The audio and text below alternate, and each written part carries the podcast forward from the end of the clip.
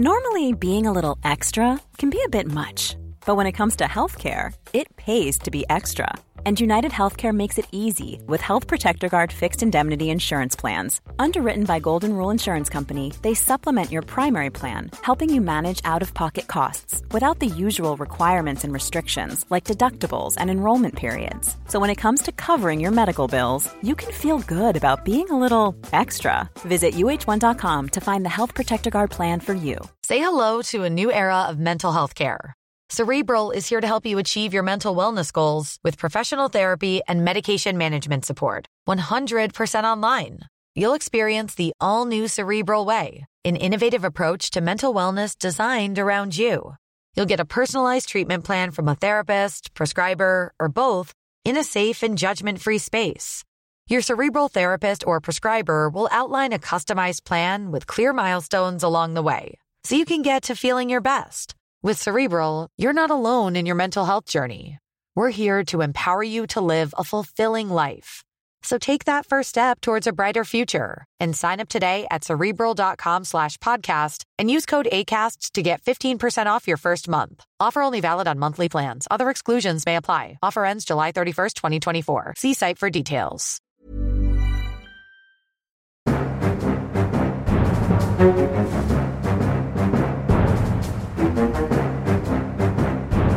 Ok, flott. Da eh, setter vi i gang med en eh, ny episode Aftenpodden USA. Og jeg må si det er veldig gøy å for første gang lage pod foran et lys levende publikum. Det setter vi stor pris på. Eh, også da til de som følger oss på stream. Eh, de er jo også lys levende. Det er i hvert fall live, selv om de ikke er her i salen. Ja. Du er kommentator Kristina Pletten. Eh, du tilbringer vanligvis veldig mye tid i et klesskap Ja, når vi lager pod. Jeg, jeg spiller vanligvis inn uh, inne i et uh, kott i uh, leiligheten min, for der er det veldig god lyd, og alle klærne og alt rotet det liksom, gjør at det ikke blir noe ekko. da. Ja. Så der sitter jeg og snakker med deg. Men det føles enda bedre å være ute blant folk. Jeg er altså USA-korrespondenten til Aftenposten, Øystein Langberg, som jo vanligvis bor på Manhattan, men jeg har tatt turen over Atlanteren i dag for å gjøre det her og litt andre ting, egentlig. Hvis uh, jeg virker litt sjanglete eller litt rar, så er det ikke fordi jeg har vært på Stopp pressen, men fordi jeg er litt, sånn- jeg er litt jetlagd. Så jeg tenker, Hvis noen av analysene er litt rare eller jeg bommer på noe fakta, eller noe sånt, så skylder jeg på jetlag. Hva skylder du på, Kristina? hvis du Nei, jeg har ikke så mye skyld på, kanskje. Nei, for- alder må det være. Men, men jeg tenker altså, til de som ser oss eh, på stream der ute, eller hører på podden, vi legger ut denne podden som, som vanlig, så må vi si at vi også planlegger å lage et større arrangement senere, hvor vi da inviterer flere av lytterne våre med på det. Men da, temaet i dag er altså hvem kan stoppe Trump i 2024. Og vi tenkte egentlig å utvide temaet litt. Vi har funnet ut at vi må også snakke litt om hva som potensielt kan stoppe Trump i 2024. Kanskje det også er en hendelse, kanskje det ikke er en person eh, som gjør det. Og så har vi vanligvis en runde med obligatorisk refleksjon i disse podene våre, men denne gangen så tar vi da spørsmål, og så reflekterer vi over spørsmål i, eh, isteden. Men da tenker jeg egentlig vi bare kjører i gang. Ja. Ja. Altså Det første spørsmålet som vi må ta stilling til, er jo egentlig kommer Trump til å stille igjen. Det vil jeg tro er et spørsmål vi ville fått uansett. Kommer han til å stille igjen? Jeg er litt mer usikker eh, denne uken enn jeg var forrige uke. Ok, ja. Så det, er, ja. det, det, det har jo skjedd noe i verden, men uh, Øystein, du var jo for ikke så lenge siden på CPAC. Ja. Det store møtet med konservative politikere Uh, litt sånn i, som tidligere har vært litt sånn i ytterkanten av det republikanske partiet, men nå stiller vel Rotte Råte stort sett på CPAC. ja. Der var jo Trump òg og, og talte, og gikk vel ganske langt i å si at han kom til å stille. Ja, altså Trump snakker som om han stiller igjen. Han snakker om 'we will win' og disse type tingene. Så, så folk der tolker det jo, de fleste tolker det jo som at eh, han kommer til å stille igjen. Eh, og han har i hvert fall sjansen til å stille igjen. Han oppfører seg som om han kommer til å stille igjen. Han samler inn veldig mye penger. Samler i hvert fall inn penger som han kommer til å stille igjen. Ja, altså Jeg får mailer kanskje ti mailer om dagen, kommer til å få SMS-er mens jeg sitter her. Jeg er på disse listene til Trump-organisasjonen. Det er en veldig veldig aggressiv pengeinnsamling. Han ringer inn på Fox News, han ringer inn på podder, han er ekstremt tilgjengelig. Det er ikke en mann som har gått av med pensjon. Men det kjedelige svaret er antageligvis at Trump kanskje ikke selv faktisk har bestemt seg for om han stiller igjen. Han holder det åpent, han ser an landskapet. Eh, og så tar han en avgjørelse han har sagt etter mellomvalget til høsten. Så Det er ikke sikkert egentlig Trump selv vet om han stiller igjen. Nei, og det er jo en god stund til han enda må bestemme seg, i hvert fall et par år. Ja. Eh, og mye kan skje. Eh, det kan skje ting med han. Han er jo ikke en helt ung mann, så det kan hende at eh, helsen begynner å skrante. Ja. Det kan hende at det kommer opp andre sterke utfordrere som vi skal snakke litt mer om, som gjør at han begynner å bli litt i tvil om han virkelig kan vinne. Og jeg tror i hvert fall at hvis ikke han er liksom noenlunde sikker på at han i hvert fall har en veldig god sjanse til å vinne, så tror ikke jeg han kommer til å stille. For jeg ikke han vil gå på et tap, Et tap til. ydmykende tap en Nei. gang til. Nei, det er nok sant. Og Trump har vært veldig sånn stuck in the past, som de sier borti USA. Altså, han snakket veldig mye om fortiden. Det har nesten vært umulig å få han til å snakke om andre ting enn valget i 2020, og hvordan det ble stjålet fra han og hele disse tingene. ikke sant? Som er sånn, det er jo en del velgere som er interessert i det, men de aller fleste velgerne vil jo heller ha han til å snakke om inflasjon og andre typer ting. Men da jeg så han på CPAC for noen uker siden, så var det en litt annen type Trump, en mer fremoverskuende Trump, en Trump som snakket litt mer om ting som i hvert fall skjer i dag, og om fremtiden. Så det er interessant å se at de kanskje er i ferd med å snu. da, kanskje Han har litt disiplin på å snakke om de tingene der som kan gjøre at han kan være en aktuell kandidat. Ja. Og så er det jo sånn at han fortsatt er utestengt fra Twitter og Facebook. Ja. Det var vel noen som mente at Facebook kom til å åpne for han i hvert fall eh, i løpet av året nå, da. Han har vel en slags midlertidig utestengelse derfra. Ja.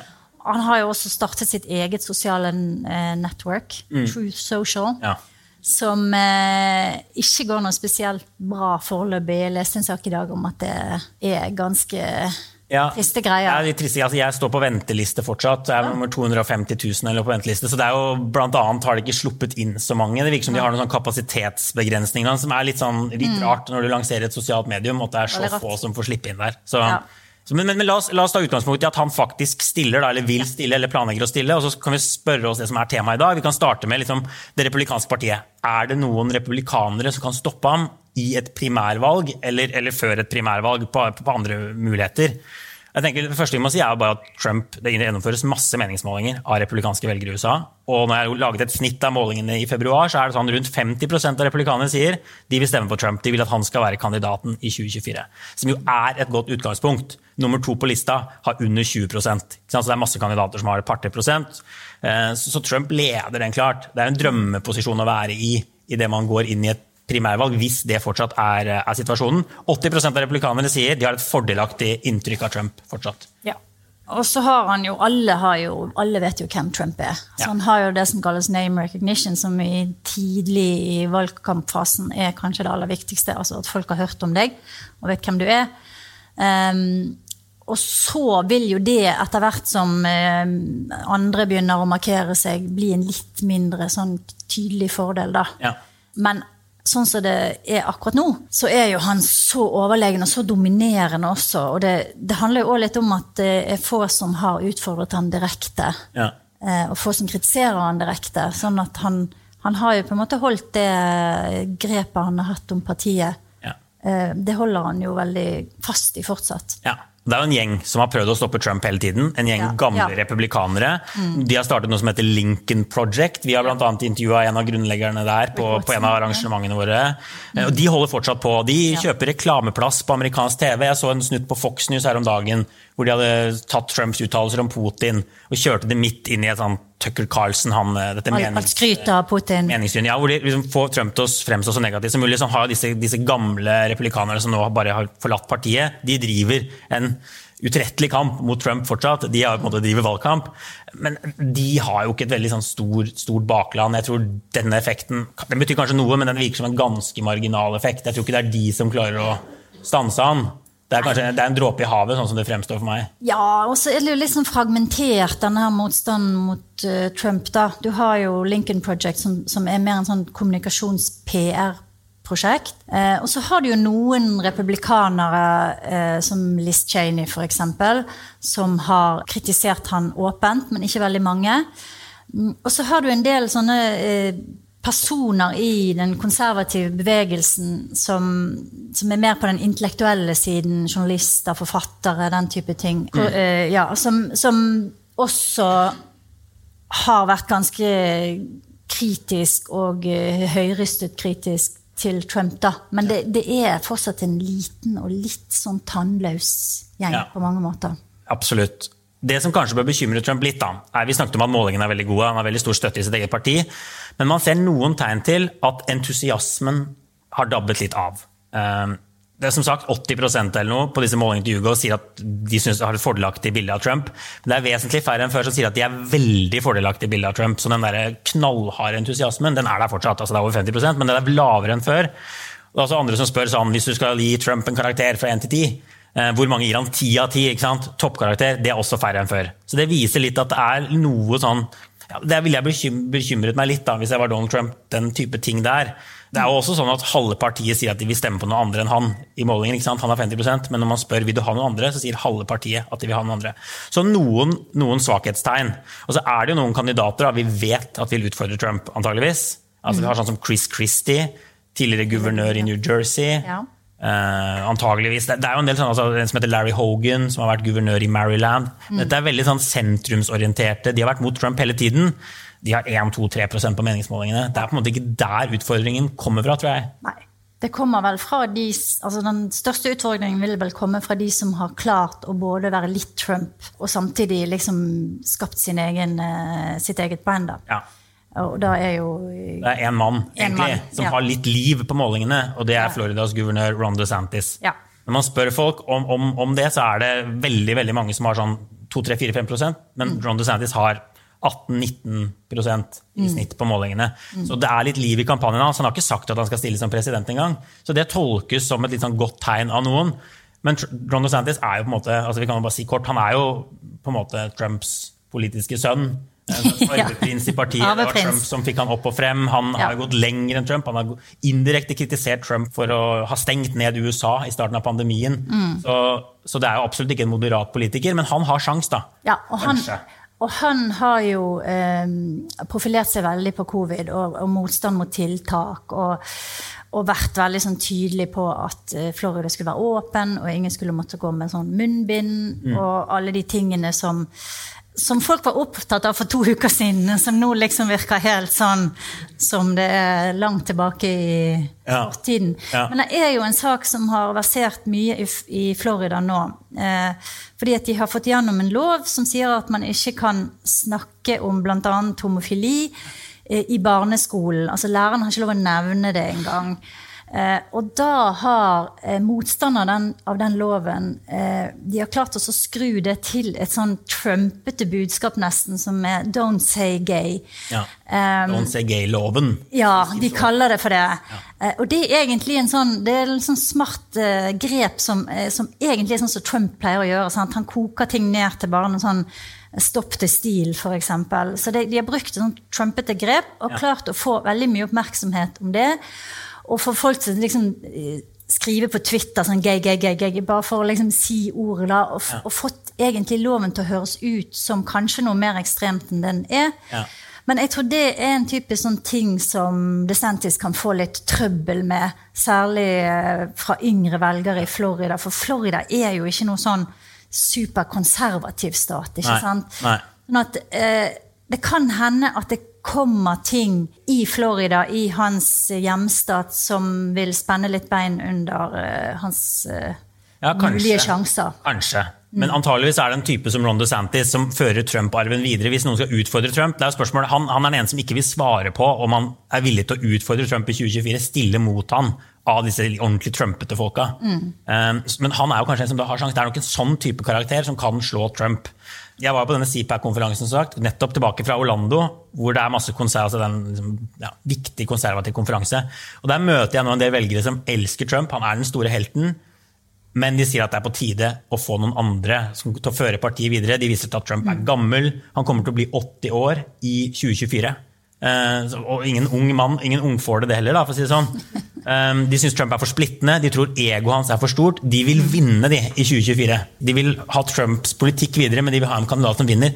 Og hvis velgerne begynner å liksom lukte en sånn taper av Trump, at det er andre som har bedre sjanse til å slå demokratene, så kan det hende at det rakner fortere for han enn, det ser ut som nå. da. Ja, og jeg tror at de neste månedene blir utrolig viktige i så måte. fordi at hvis han nå sitter på Fox News og overalt og fortsetter å maule om eh, valget som var, mm. og disse her tingene som han har vært opptatt av, eh, som virker veldig på siden, det som skjer i verden, så kan han på en måte eh, oppleve, tror jeg, det motsatte av det som skjedde før valget i 2016. At han rett og slett snakker seg sjøl Ja. ut av valgkampen. Og han er jo ikke en mann som tar råd.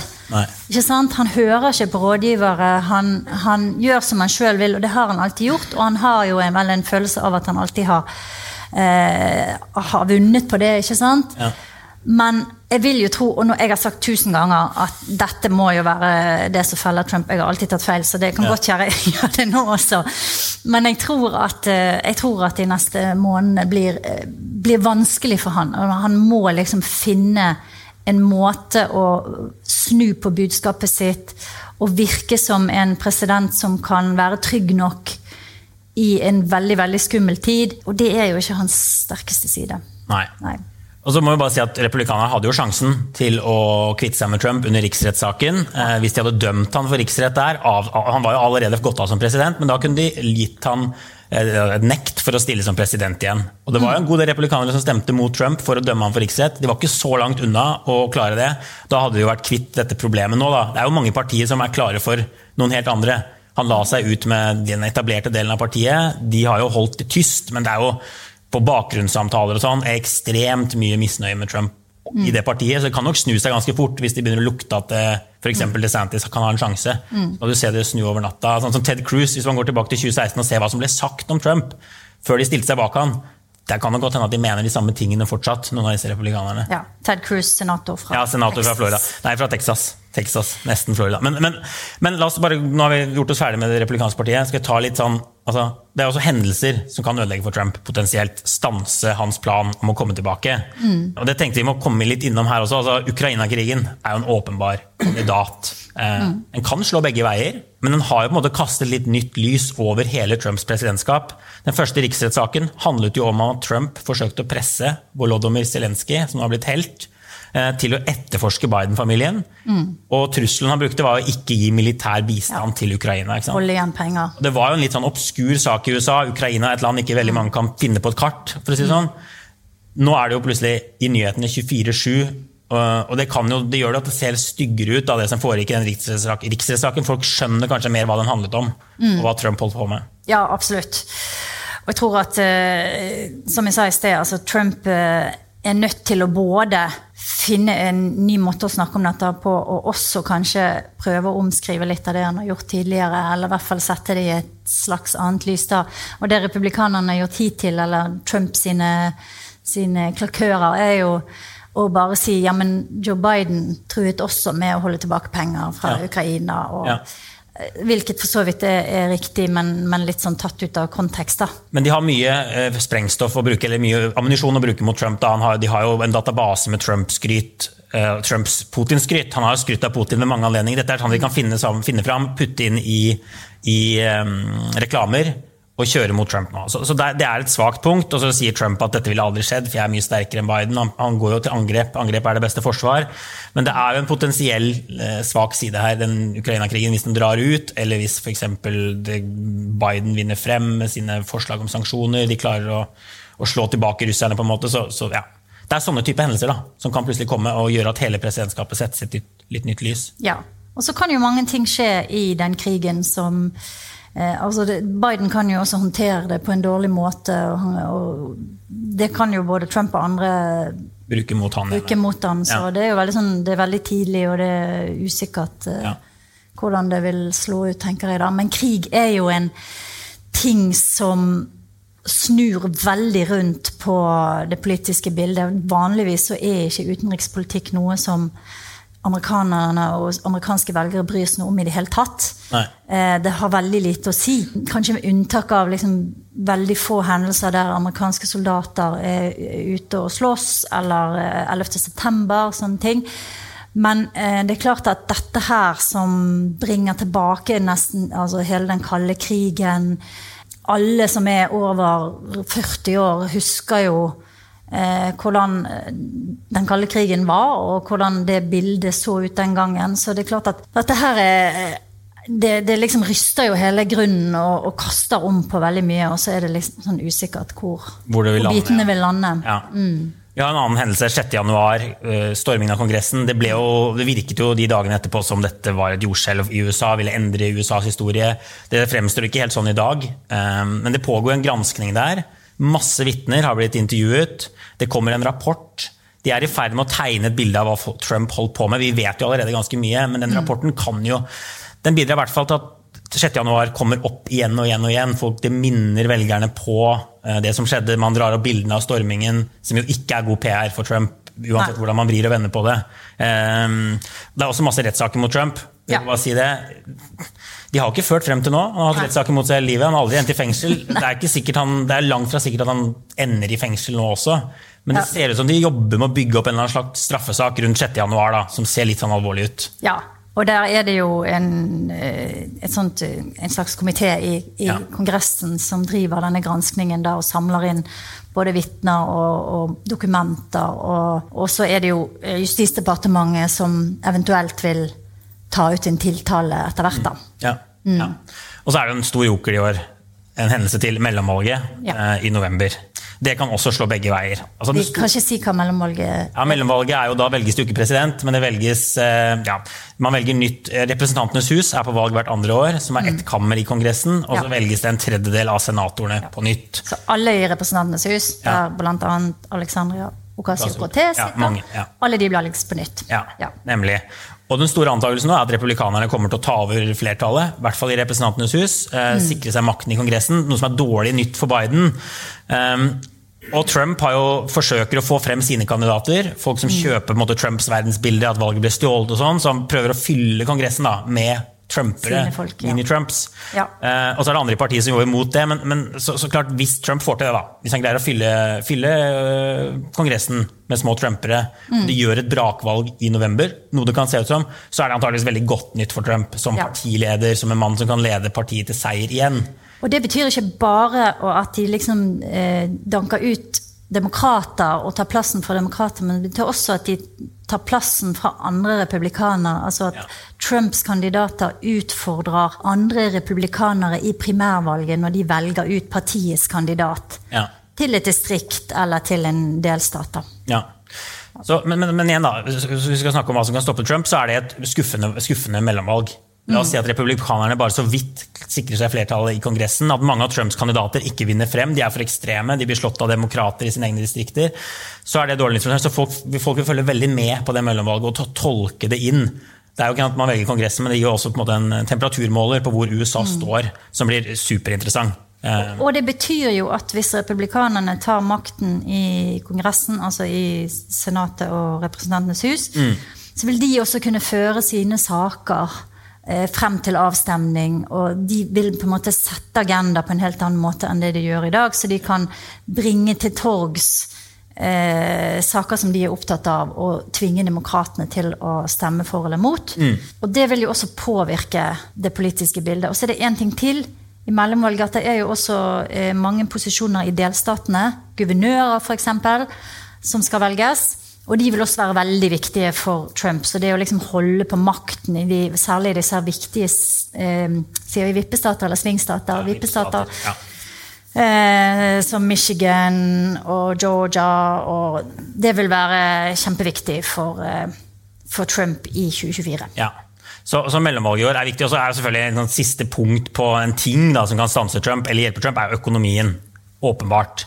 Eh, som også kan slå begge veier, og som nå slår i Trumps favør veldig. veldig. Si. Eh, ikke fordi det, veksten er ganske god, det lages mye jobber, altså arbeidsmarkedet ser veldig bra ut, men det er altså en veldig veldig høy inflasjon ja. i USA. altså en veldig høy prisvekst. Det kom nye tall i dag som igjen mm. viser at de er ikke i nærheten av å få kontroll over den prisveksten. Noe som fort vekk kan bety at rentene må settes kraftig opp. Det er ikke populært. Eh, at man setter opp rentene for å kjøle ned økonomien. Mm. Så, så, det der er en sykkel som ikke ser veldig bra ut for Biden, som ser veldig god ut for Trump. Som egentlig er ekstremt godt nytt for Trump. Økonomi er Trumps sterkeste side. Ja. Velgerne skryter alltid av måten Trump Det har festa seg som en sånn greie. Han, mm. Du kan si hva du vil om Trump, men han hadde veldig god økonomi. tenker mm. veldig mange amerikanere. Veldig god til å styre økonomien. Mm. Fordi han var en forretningsmann og alle de tingene der. Og jeg husker jo, når jeg reiste rundt og snakket med folk, så sa de jo det. Jeg merker det på lommeboken min. Sant? Jeg har mer penger å rutte med. Jeg, jeg, vi har et bedre liv i familien. Og det betyr utrolig mye, og det er jo kanskje det som er det aller viktigste ja. for velgerne, tross alt. da. Eh, det som skjer nå med inflasjonen, altså prisveksten, er jo litt av det samme som vi ser her i Norge med strømregningene. Eh, det er særlig drivstoff, gass, bensin, elektrisitet som stiger. Og det er jo en global greie som ingen helt Jeg skjønner ikke meg helt på det, men det er jo ingen som helt forstår det. da, Men dette er jo veldig komplisert eh, balanse. Mm. Eh, og så eh, stiger også mat, men ikke så mye. Men, men, sånn at folk merker det når de går og handler. Ja og en del andre ting som, og så er det en del varer som mangler fordi at det har vært eh, liksom den, her, den, logistikken i leveranser og frakt har brutt sammen ja. etter covid. Og det som Biden-regjeringen har trodd veldig lenge, var at dette skulle være midlertidig pga. Eh, pandemien, og så skulle det liksom justere seg etter hvert. Mm. Og så har de ikke gjort det. altså det, Prisene har bare fortsatt å vokse og vokse. og vokse. Uh, og med de tallene som kom i dag, så ser det jo ut som om denne inflasjonen er mer eller mindre permanent. da. Ja. Det er veldig bad news for, uh, for Joe Biden. Ja. Og krigen gjør det heller ikke bedre. ikke sant? Den gjør jo uh, at prisene sannsynligvis vil stige enda mer. Allerede veldig høye bensinpriser har ja. fått det siste ekstra hoppet som gjør at de nå er rekordhøye. Da. Folk har aldri opplevd maken i sitt liv mm. til de bensinprisene som er nå når de går mm. og fyller. Og selvfølgelig er bensin bare, Prisen på bensin er kjempeviktig i USA, enda viktigere enn i Norge. Folk ja. kjører mer, lenger bilen er bare en stor del av livet til folk. Så. Veldig mange steder så er det jo ikke eh, buss eller kollektivtilbud, eller i hvert fall utrolig dårlige. Så du må ha bil. Du må ha bil for å gå på jobb, du må ha bil for å kjøre ungene dine på skolen, du må ha bil for å handle, du må ha bil for alt, ellers er du helt støkk. Og derfor er det jo sånn enkelte steder at folk, når, når alt raser sammen, så selger ikke de bilen, de selger huset sitt og flytter inn i bilen. Ja. Det er veldig mange amerikanere som gjør det, og det sier litt om hvor viktig bilen er i i USA. Så det at eh, bensinprisene nå eh, er vel over eh, fire dollar for en gallon, da, som er nesten fire liter. Så i norsk sammenheng så er det jo ikke dyrt. Men de kjører jo òg utrolig mye mer enn, så de bruker mye mer bensin. Ja. Og så skal det sies, de har biler som er utrolig lite drivstoffeffektive. De har sånne, veldig mange har jo sånne svære biler som bare sluker bensin. Ja. Og det har de liksom strittet veldig imot å gjøre noe med, men kanskje det liksom tvinger seg frem ja.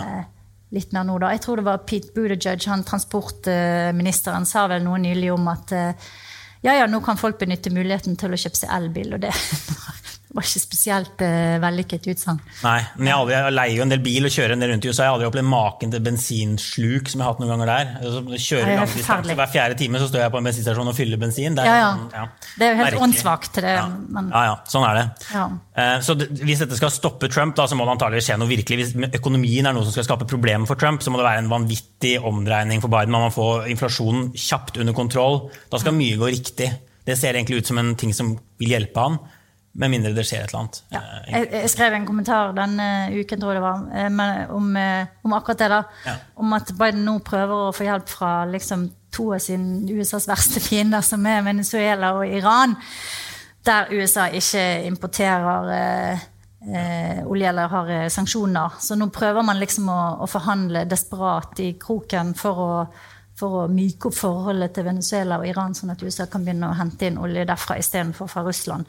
Og så er det jo også snakk om å liksom eh, øke produksjonen på hjemmebane, da. Ja. Og der prøver vel også demokratene å liksom eh, gjøre noe politiske sprell, for de har jo eh, tidligere forsøkt å ja. Og dempe produksjonen og, og, og, kutte ned på en del eh, av denne skiferproduksjonen, mm. blant annet. Ja. As a person with a very deep voice, I'm hired all the time for advertising campaigns. But a deep voice doesn't sell B2B, and advertising on the wrong platform doesn't sell B2B either. That's why if you're a B2B marketer, you should use LinkedIn ads. LinkedIn has the targeting capabilities to help you reach the world's largest professional audience. That's right, over 70 million decision makers all in one place. All the big wigs and medium wigs, also small wigs who are on the path to becoming big wigs. Okay, that's enough about Wix. LinkedIn ads allows you to focus on getting your B2B message to the right people. So, does that mean you should use ads on LinkedIn instead of hiring me, the man with the deepest voice in the world? Yes. Yes, it does. Get started today and see why LinkedIn is the place to be to be. We'll even give you a $100 credit on your next campaign. Go to linkedin.com slash results to claim your credit. That's linkedin.com slash results. Terms and conditions apply. Det er, det er både noen av hendelsene, det er mange andre hendelser også. Men, men, men nå har vi snakket om republikanerne, hendelsene, og så må vi snakke litt om demokratene. La oss si at Trump blir republikanernes kandidat. Han er jo ikke president før han har slått en demokrat i 2024. Så spørsmålet om demokratene har noen som kan hamle opp med Trump. Ja. Og Det kommer jo selvfølgelig veldig mye an på disse hendelsene vi snakket om, veldig mye an på økonomien. Hvis Joe Biden ikke stiller igjen, så er det jo fort vekk Kamala Harris, visepresidenten, som kan få den jobben. Hun vil jo ha de samme problemene som Biden. Hvis administrasjonen er upopulær, så vil hun også være upopulær. Det er vanskelig for henne å distansere seg fra den. Så hun er også veldig avhengig av økonomien og sånn. Eh, Hun er faktisk litt mindre populær enn Biden på målingene. Det ser ut som hvis Biden gir seg, og Biden ville tatt mot Trump, så skal det mye til før Kamala vil slå Trump. da. Ja. Skal man tro målingene. Med mindre hun klarer å skaffe seg på en en en helt annen image eh, fram mot neste valg. Hun er jo i Polen i dag, tror jeg. Ja. Eh, Men Kamala Harris har jo både gjort det dårlig og hatt utrolig mye motstand fra sånn som Fox News de har, og, og, og hele Trump-universet har hamret løs på henne helt siden valgkampen. Så det er liksom eh, på en måte dobbel negativ, da.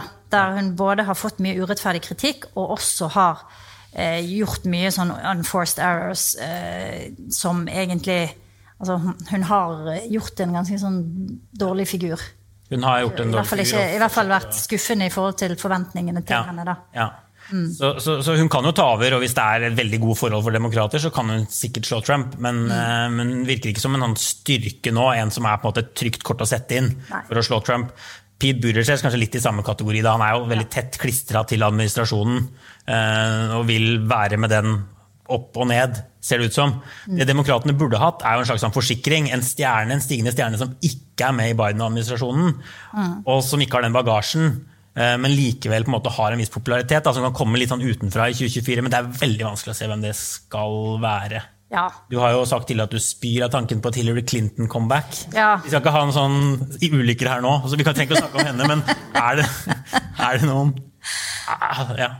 Ja, altså det, vanligvis vil det være guvernører altså, som er sjef for delstatene, eh, som i en sånn situasjon La oss si at eh, Biden er for gammel eller av en eller annen grunn ikke kan Han er vel 82 eh, ved neste valg. Ja. Eh, at han ikke stiller da, så, så vil jo både de som sitter i Kongressen og Senatet, og de som sitter i regjeringen, være veldig klistret til hans politikk. Eh, så da er det jo som du sier, eh, da måtte det komme en eh, guvernør utenfra. Det var jo ganske mange guvernører som var med i valgkampen i 2016. Mm. en hel haug, faktisk. Men det er ikke så mange av de som liksom har markert seg på en positiv måte. Det er eh, Gretchen Whitmer, som er guvernør i Michigan, eh, som var en sånn eh, up and coming-stjerne. Ja. Hun har liksom Hun er ikke spesielt populær i hjemstaten og har strevd litt med å finne, finne liksom en, en sånn plattform eller det DeSantis gjør. da. Og så er det jo noe med at det er litt vanskeligere for demokratene på en måte fordi at de det er et veldig stort telt, det partiet. De, de skal liksom appellere til alle fra de der som er nesten inn mot, la oss si, i norsk sammenheng, da, i hvert fall langt inn i Høyre, ikke sant? Til uh, folk som hører til i Rødt. Ja. Og alt det er samlet i det, i det ene partiet, da. Så jeg tror at eh, Vi snakket vel litt om det tidligere i dag. eh, at det er noe med at veldig mange av de kandidatene, og særlig de som stilte i 2016, de forsøkte liksom å, å please alle, istedenfor å tørre å stå opp og bare kjøre en linje, kjøre et budskap som de sjøl trodde på. Ja. Eh, som Trump f.eks. gjør, da. Eh, og, Og- og og ja. Bernie Sanders også. Bernie Sanders gjør det. Vi Ja. har en, fått en ny ordfører i hjembyen min, New York nå. Ja. Man har litt sånn tendenser til det en som heter Eric Adams. Ja. er en, en svart mann som har vært fra politiet, sånn arbeiderklassebakgrunn. Mm. Helt klo- klokkeklar hele tiden på at han støtter politiet. Defund the police, denne, denne slagordet om å kutte i politibudsjetter eller til og med kvitte seg med politiet. Han har vært imot det hele tiden. Mm. Selv om han erta på seg deler av sitt eget parti.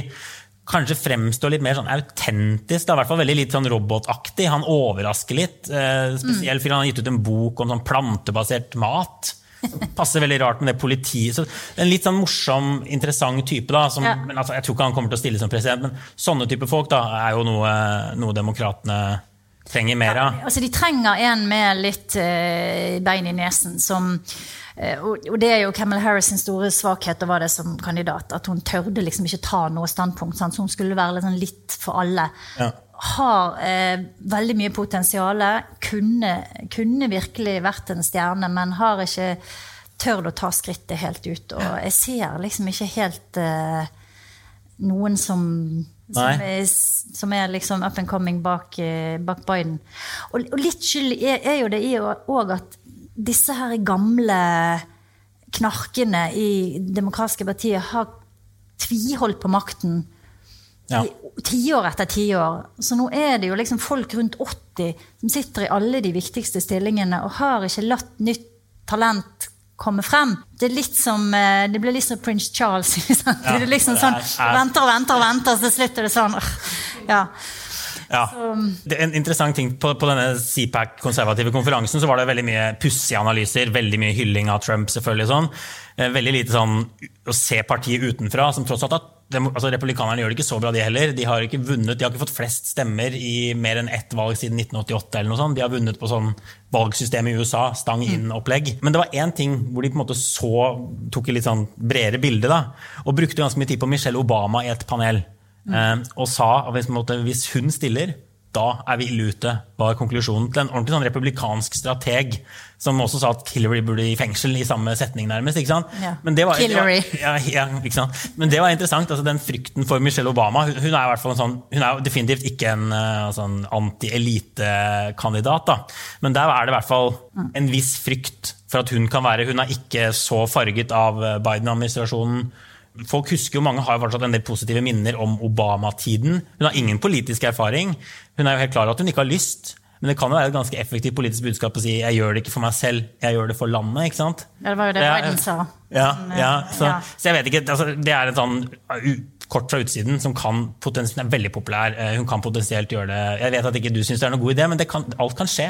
kan... Ja, nei, jeg, har sagt det før. Jeg, altså, det er liksom bananrepublikker. Det er der eh, konen eller datteren til presidenten Eller liksom- reality-kjendiser. Ja. Det blir- Det, det bør ikke være sånn i et demokrati, men Men altså, vi kan ta siste punkt. Da. En, en ting jeg tror USA kanskje kan være klar for i 2024, som, bare, som kan stoppe Trump, men som også kan stoppe demokratene, er jo noen som bare tar et oppgjør med begge partiene.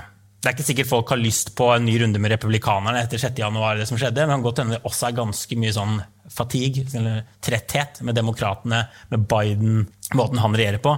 At det kan være tidspunktet for enten noen skikkelige outsidere som kommer inn og overtar partiene igjen, altså Ja. en filmkjendis, eh, hva som helst, eller bare en et tredjeparti, Emmanuel Macron, Frankrike-style, eh, som starter noe nytt. Ja. Kanskje det er Altså, det er jo Det er sånn ofte snakk om det. Det er jo sånn at det, det partiet som vokser mest i USA, er jo det som ikke er et parti, altså de uavhengige velgerne. Det er den gruppen som vokser. Det er færre og færre som identifiserer seg med eh, Det er vel sånn noen og 20% som er republikanere, og kanskje nærmere 30 som er demokrater. Men det er ikke mer enn det. Og resten er uavhengig, eller de driter i det. De stemmer ikke i det hele tatt. Ja. Eh, Så det er jo et enormt rom egentlig for å starte et tredjeparti. Problemet i USA er jo at det krever så utrolig mye ressurser. Det er et så svært land.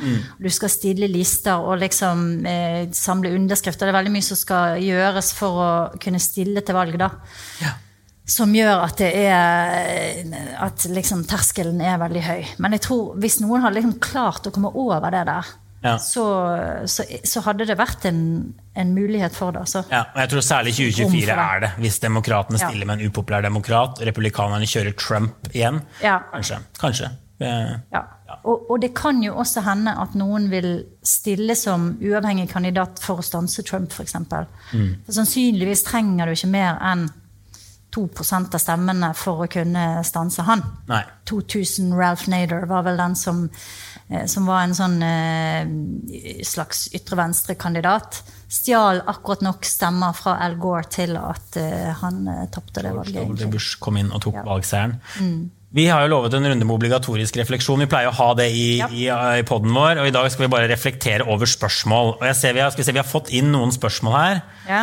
Vi kan jo bare starte med det. Vi kan jo bare gjenta da, eh, at det altså er på slido.com i vennekoden 744409. Vi tar også spørsmål fra salen der, så bare får vi liksom gjort dette kort og kjapt og effektivt. Ja. Uh, ja, Vi kan bare ta det eh, første spørsmålet. Jeg, det var jeg som sa at, eh, at Trump driver ganske aggressiv pengeinnsamling. Mm. Det er et spørsmål jeg også har tenkt en del på. Jeg har ikke veldig godt svar på det, men altså, Hva gjør han med pengene dersom han ikke stiller til valg? Det er, jo, det er, jo, ikke sånn at det er hans penger direkte sånn, inn på konto, men det er jo metoder å bruke disse pengene til å eh, berike seg selv også. Ja. Til å lønne familie, valgkampmedarbeidere, leie fly og gjøre sånne type ting. Du kan leie inn konsulenter, ja. Du kan bo på Trump-hoteller. Du ja. kan spille golf på Trump-golfbaner. Du kan liksom dette har jo skjedd allerede. Ja. drevet med allerede. Mm. Eh, så, så, det er vel sånne type ting. Men om man da kan vil prøve å røve til seg hele potten, det skulle man jo tro at ikke lar seg gjøre. Det er jo stadig også granskninger av sånn bruk av mm. penger i USA. Det er jo noen regler her. Men det han også kan bruke pengene til, er jo å pushe frem sine egne kandidater og presse vekk de som han ikke vil ha. da. Mm. Så det er jo det er kanskje det at han kan liksom utøve utrolig mye makt med de pengene uten å stille selv. Mm. Skal jeg ta neste spørsmål, kanskje? da? Er det virkelig ingen kandidater som kan være aktuelle? Er det ingen som kan komme som en kule når det nærmer seg? Jo. Det er jo, det. Spørs jo hva man mener. Jo, og det er jo sånn, eh, Barack Obama kom jo fra omtrent intet. Det var ja. ikke så mange som så han noen år før seg. Vi ligger jo ganske langt foran tiden her med 2024. Eh, det er lenge, lenge ja. til. Som vi sier, så Det er jo tegn til på målingen at Trump på en måte blir litt mindre spennende. Mm. Entusiasmen rundt han daler av. Hvis det er en trend som bare får fortsette i to år, mm. så er det absolutt muligheter. Da er det plutselig et stort rom for, eh, for, noen som kan komme som en kule fra utsiden. Ja, Skummelt begrep for øvrig å bruke om ja, ja, amerikanske ja. presidenter.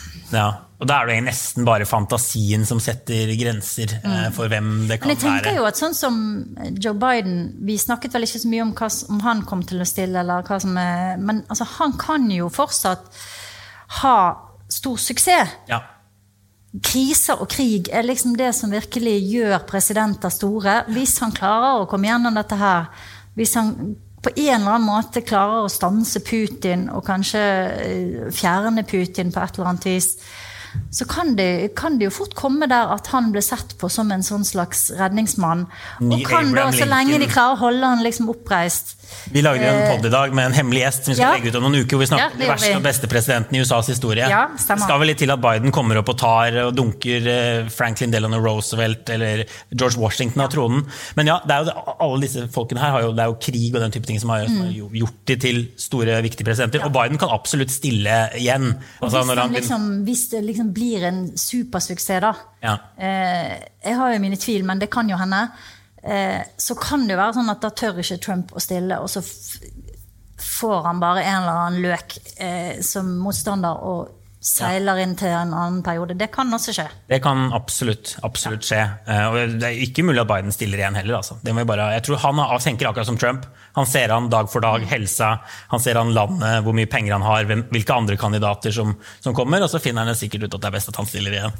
Det, Ingen kan fort vekk. Ja. Fort vekk. Ja. Um, ja, så er det disse juridiske sakene mot Trump. da, Om de kan ende med en dom som forhindrer ham fra å kunne bli valgt igjen. Jeg tror det må en riksrettssak til for han skal nektes å stilles til valg. Det var den sjansen de hadde i januar 2020 etter, etter stormingen av Kongressen. Jeg tror um, domfelte folk kan stille til valg. Uh, og bli president. Dette har jeg sjekket en gang. Ja. Uh, og det er litt ulike regler i ulike stater og sånn. Eh, men, men, men, det er også en ganske lang vei hvis, hvis Trump eller organisasjonen dømmes for noe. De, de, granskes jo i tillegg for dette 6. januar, så granskes de for, for jo å ha lagt press og prøvd å juk, tuske til seg valget på andre måter. De granskes jo for sånn, altså, sånn skattesvindel, altså den type sånn forretningsmessig virksomhet også. Eh, og det ser ut som noen av disse sakene har falt litt fra hverandre. og sånn. Eh, sannsynligvis det kan det fort vekk ende med en bot ikke sant? Mm. framfor fengselsstraff. Det er enda lengre vei til, til fengselsstraff. Han, er en, han, har nok en, en mulighet til å, til å vri seg unna. Mm. Men klart, hvis, hvis, de har masse saker mot seg i rettssystemet som tar bare utrolig mye ressurser, sånn, så gjør det jo enda enklere for Ron DeSantis å si Trump, fantastisk president. Um, mm. Han tapte i 2020. Um, han var ikke tøff nok. Jeg vil kjempe uansett og vinne uansett. og Vi skal ikke bli noe juks nå når jeg stiller. Så bruke den type retorikk. da. Ja. Uh, fremstille han som litt sånn svak og ferdig. Mm. Uh, nå er disse rettssakene, mm. når man fikser det. Så det er en som spør om Betto O'Rourke her, eh, som jo var Han kan man jo si var litt sånn Har du møtt Betto? Jeg har møtt Betto og vært Ja. med han på, eh, på valgkamp i Texas. Ja, for han stilte som senatkandidat sist Ja, mot nå- Ted Cruz i Texas. Yes, Ja. Og nå er han guvernørkandidat. Ja. Men han var jo litt sånn opp som en hjort-type. Eh, og så prøvde han seg jo på å bli president, og han, han var jo litt sånn som Prøvde seg på en Obama på en måte. Han skapte en sånn personkult rundt seg sjøl. Ja. Jeg var på noen møter som var helt sånn, det var sånn Jesus-stemning. Det var liksom 25 000 mennesker, og folk var helt ville. Men han hadde liksom ikke noe å backe det opp med. Så det er jo det der eh, at du kan også få sånne kandidater som har veldig mye karisma, og, og, og, men, men, men ikke har liksom det som skal til ellers, da. Og ja. han er vel en sånn Jeg, Jeg tror eh, Han spør her, den, eh, Knut, også om han eh, har latinostemmene. Det tror jeg neppe. Han levnes ganske liten sjanse, Beto O'Rourke, på Ja. meningsmålingene. Eh, som da denne, denne men altså i guvernørkandidat nå i Texas. Han må definitivt vinne det valget hvis han skal være noen kandidat i presidentvalget i 2024. Og vi ser at demokratene sliter i Texas. De sliter, de ser at latinoene snarere enn å komme til dem, de forsvinner. Det er veldig dårlige tall. Jeg var jo nede på grensa der.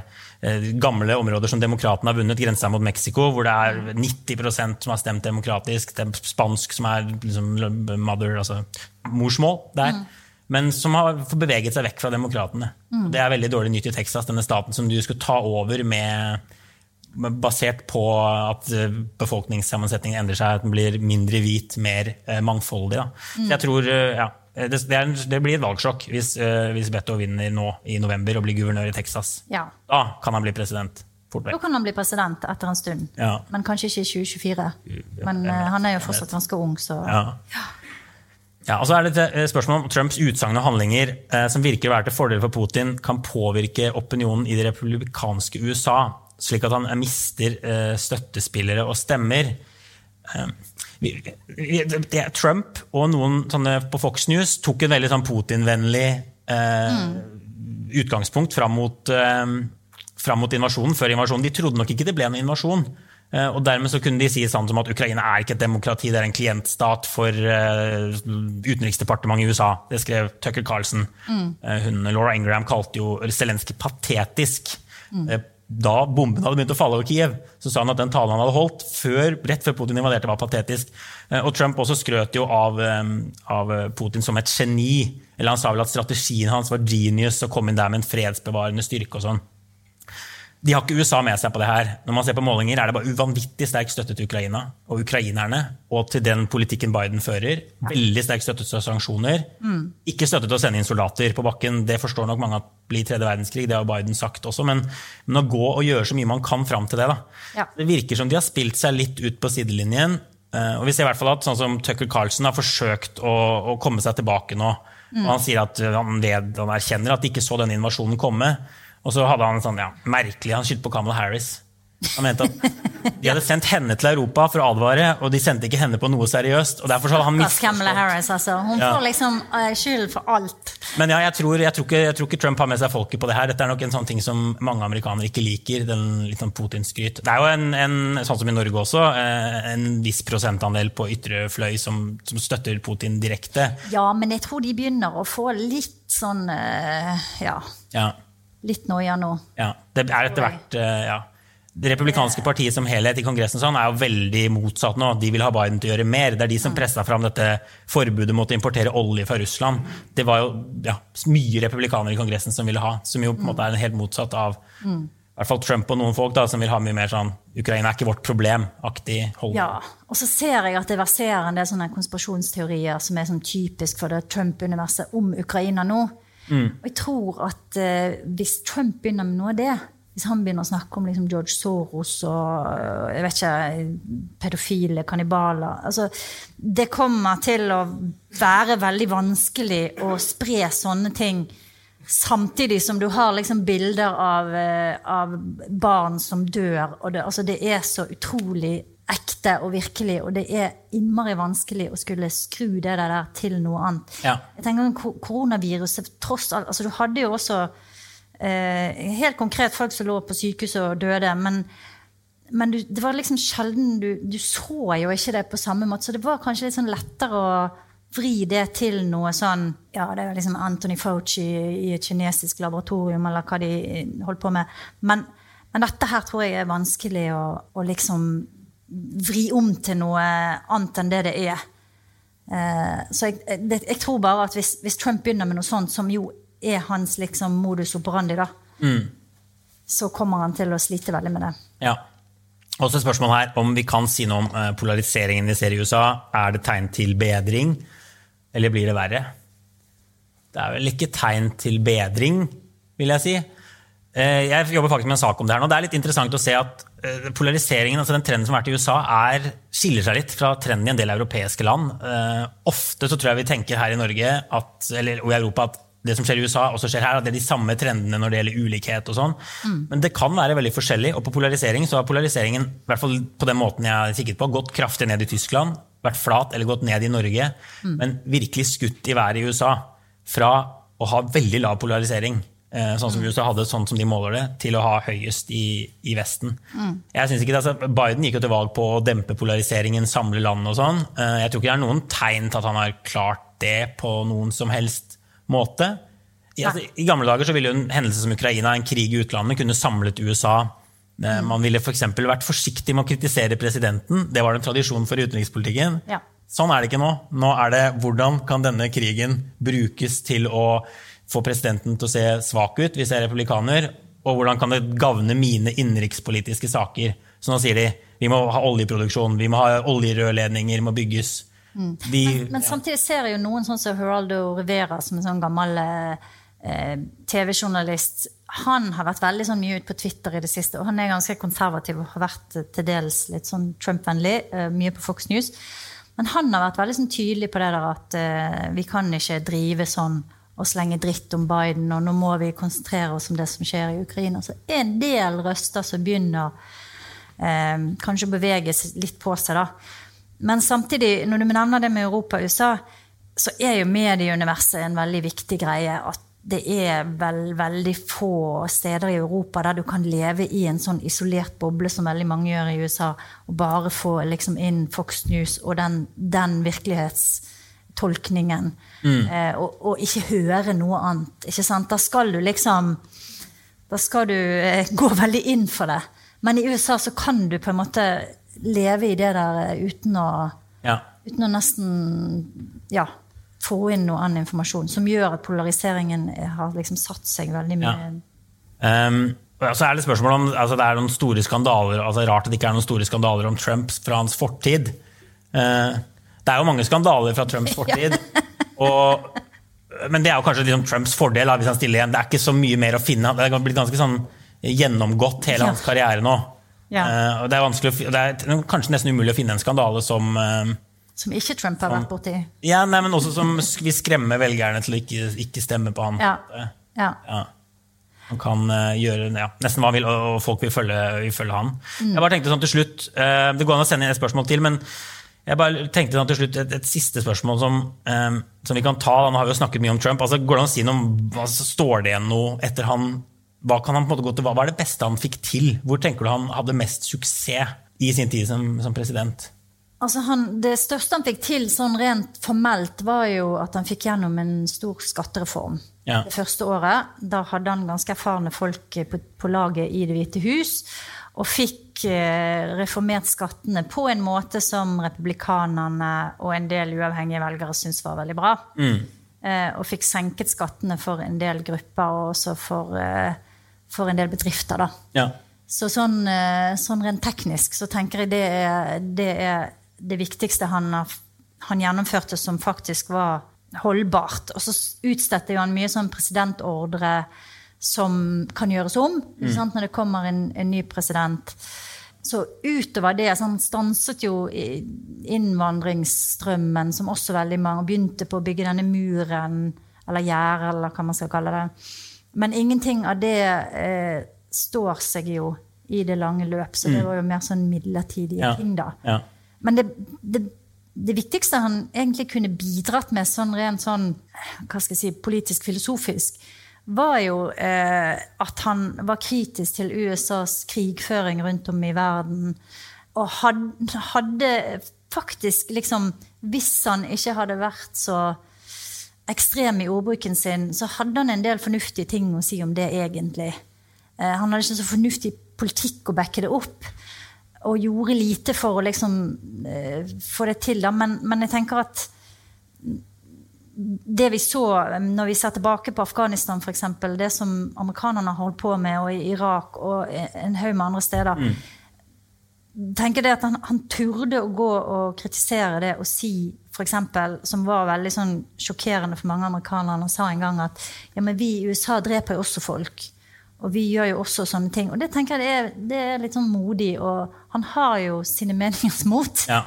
Han bare bruker det på så feil måte. Men, men, han er jo liksom på en måte den helt sånn motsatte av det Camilla Harris var. Altså en, en blanding av Camilla Harris og Donald Trump.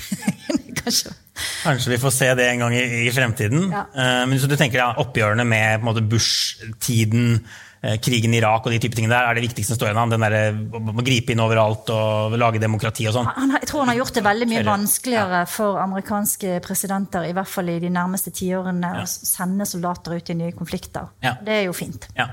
Bra. Du, jeg tror vi setter strek der. Vi vil bare si tusen takk til alle som har sett på oss på nett, og til alle dere som var i salen. Mm. Og så håper vi alle vil fortsette å følge podkasten vår, Aftenpodden USA, som vi kommer med altså én gang i uka. Og så sier vi nå takk for oss og ha det bra. Ja. Ha det, ha det. Spring, is that you? Warmer temps mean new Allbirds styles. Meet the Superlight Collection, the lightest ever shoes from Allbirds, now in fresh colors.